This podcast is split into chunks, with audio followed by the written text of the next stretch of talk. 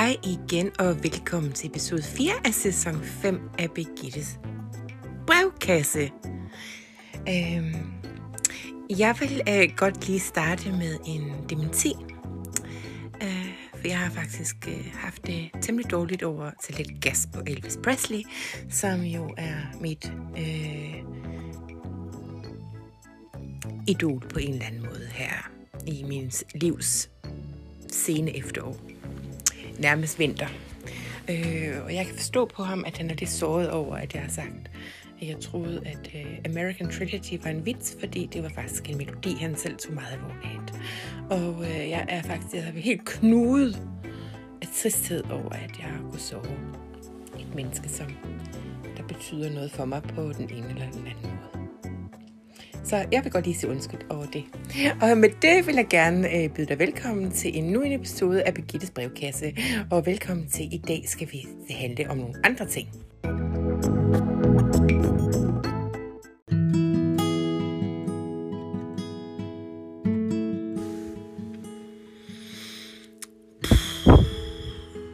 Hvad er liv? Og hvordan skal det leves?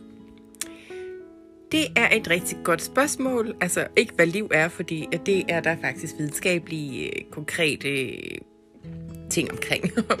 Men øh, hvordan det skal leves, det er et meget abstrakt spørgsmål, og i dag skal vi tage det op. Øh, jeg ved ikke, hvorfor om jeg er lidt deprimeret. Jeg går og bakser lidt med tanken om, at mit liv er, har været lidt spildt. Jeg har jo næsten ikke oplevet noget, som du kan høre i de andre sæsoner. Og øh, jeg synes egentlig, at jeg går rundt her i et smertehelvede af dårlig ryg og dårlige alle mulige ting. Og lidt deprimeret her. I vintersolen og mørket, der begynder at lægge sig over Danmark og den verden, som vi er ved at gå ind i med øh, høje varmeregninger, øh, klimakollaps, økonomisk kollaps, moralsk forfald. Hvad ved jeg? Jeg har faktisk lidt svært ved at se mening med det hele. Og, og jeg tænker på, at øh, jeg tror egentlig ikke, jeg har lyst til at blive sådan vanvittig gammel. Og øh, jeg tænker, jeg tager måske lige 5-10 år mere, og så er det ellers bare at tjekke ud herfra. Jeg har bare ikke rigtig lige fundet en måde at gøre det på. Så øh, ja, det er sådan set mine tanker.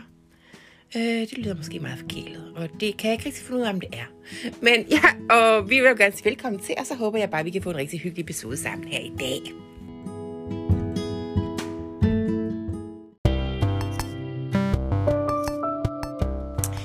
Hej, igen. Og øh, du troede nok, det skulle handle om noget andet i dag, men det skal det ikke.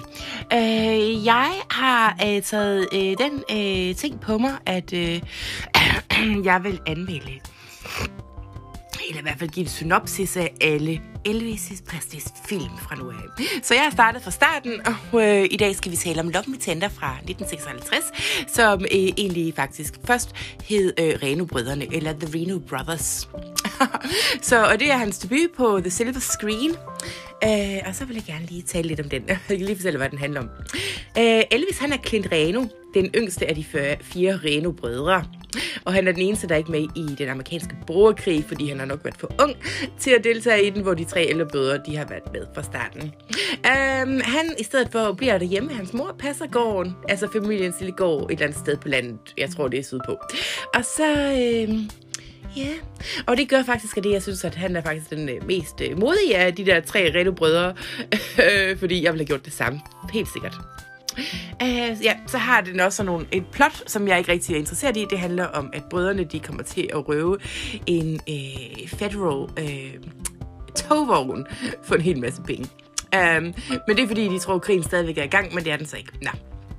Øh, brødrene de kommer hjem til gården, hvor de så finder ud af, at ikke alene, så har familien troet, at de var døde, for det har de fået at vide, at alle tre brødre er døde, undtagen Elvis Presley, som er Clint Reno, som jo har været derhjemme på gården. Han er sådan en helt ung knøs. Og så finder de også ud af, at den ældste Vans Reno, han har øh, hans øh, forlovede, Katy, hun, øh, hun er faktisk gået hen og blevet gift med Clint Reno, mens Vance har været væk i krigen, selvom de har bare elsket hinanden rigtig højt. og det, det synes jeg faktisk, at selvom Vance han jo slet ikke er Elvis, så, øh, så synes jeg faktisk, at så tager han det faktisk ret flot. Fordi at han vil jo bare være der bedst for Clint og Cassie, og så tager det, sætter han sit ego til side, og så øh, lader han som om, at han er helt okay med det, men det er han ikke rigtig Og øh, det er også det samme, jeg ville have gjort. Nå, men øh, så kan man sige, at der hvor at Vance Reno, han er faktisk en rigtig voksen mand, så er lille Clint, altså Elvis, øh, en lille bitte smule bare et smukt barn. Og Cassie, hun finder, finder ud af, at hun har, øh, hun har sådan unresolved feelings for, øh, for Vance. Øh, fordi hun jo troede, at han var død, og så det er jo derfor, hun er blevet gift med Clint. Øh, det er jo ikke fordi, at... Ja, det ved jeg ikke. Men nu kommer så det der, jeg ikke forstår, fordi at, øh, jeg synes faktisk, Clint han er både sjov, han synger og danser, han er det, man kalder en lovable idiot, med et rigtig dejligt, elskeligt øh, og sødt naturligt temperament. og så bliver han jo spillet Elvis, så for mig så var det bare sådan lidt, øh, vans hvem? Men øh, jeg går ud fra, at Cassie hun vil have noget mere for livet, end den der 21-årige... Øh, super Gud, som jo Elvis var på det tidspunkt. og så kan jeg sige, at dengang, hvor Elvis begynder at synge Love me tender, love me true, 26 minutter inde i filmen, så havde jeg faktisk mistet øh, forstanden og var sejlet øh, off i, ind til en, en Eternal øh, Clint Reno Homestead Sunset.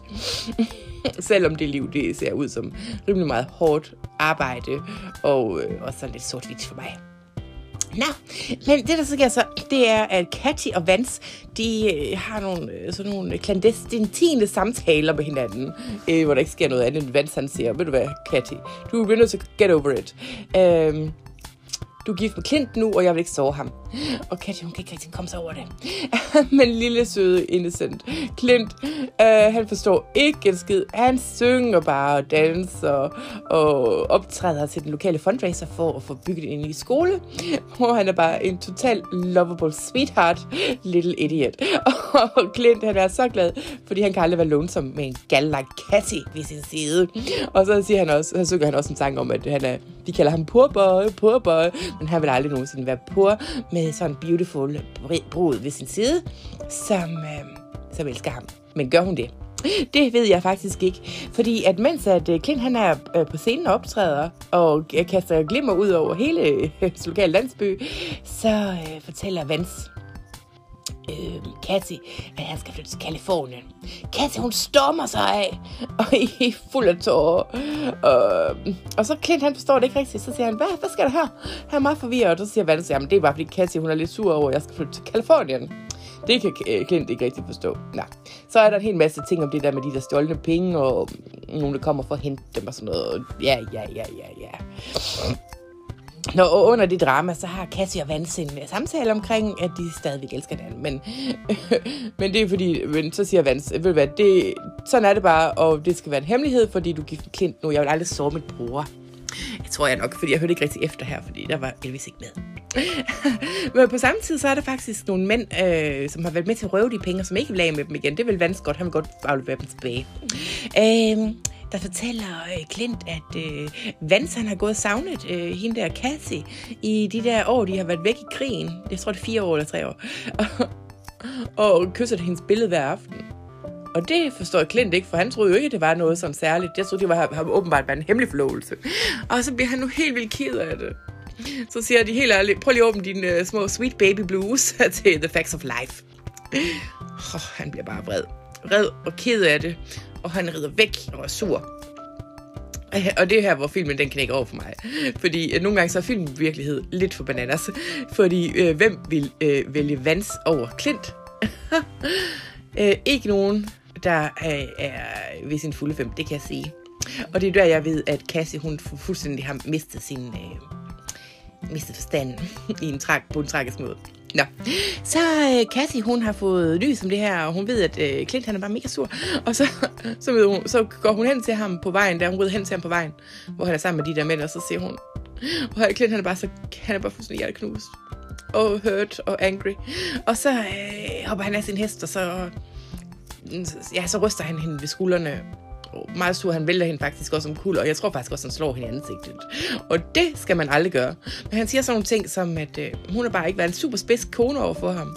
Og at øh, han er bare super sur på hende, og hvis hun bare er helt pjattet med vands, hvad er det så for noget at blive gift med Klint? Stakkels Klint.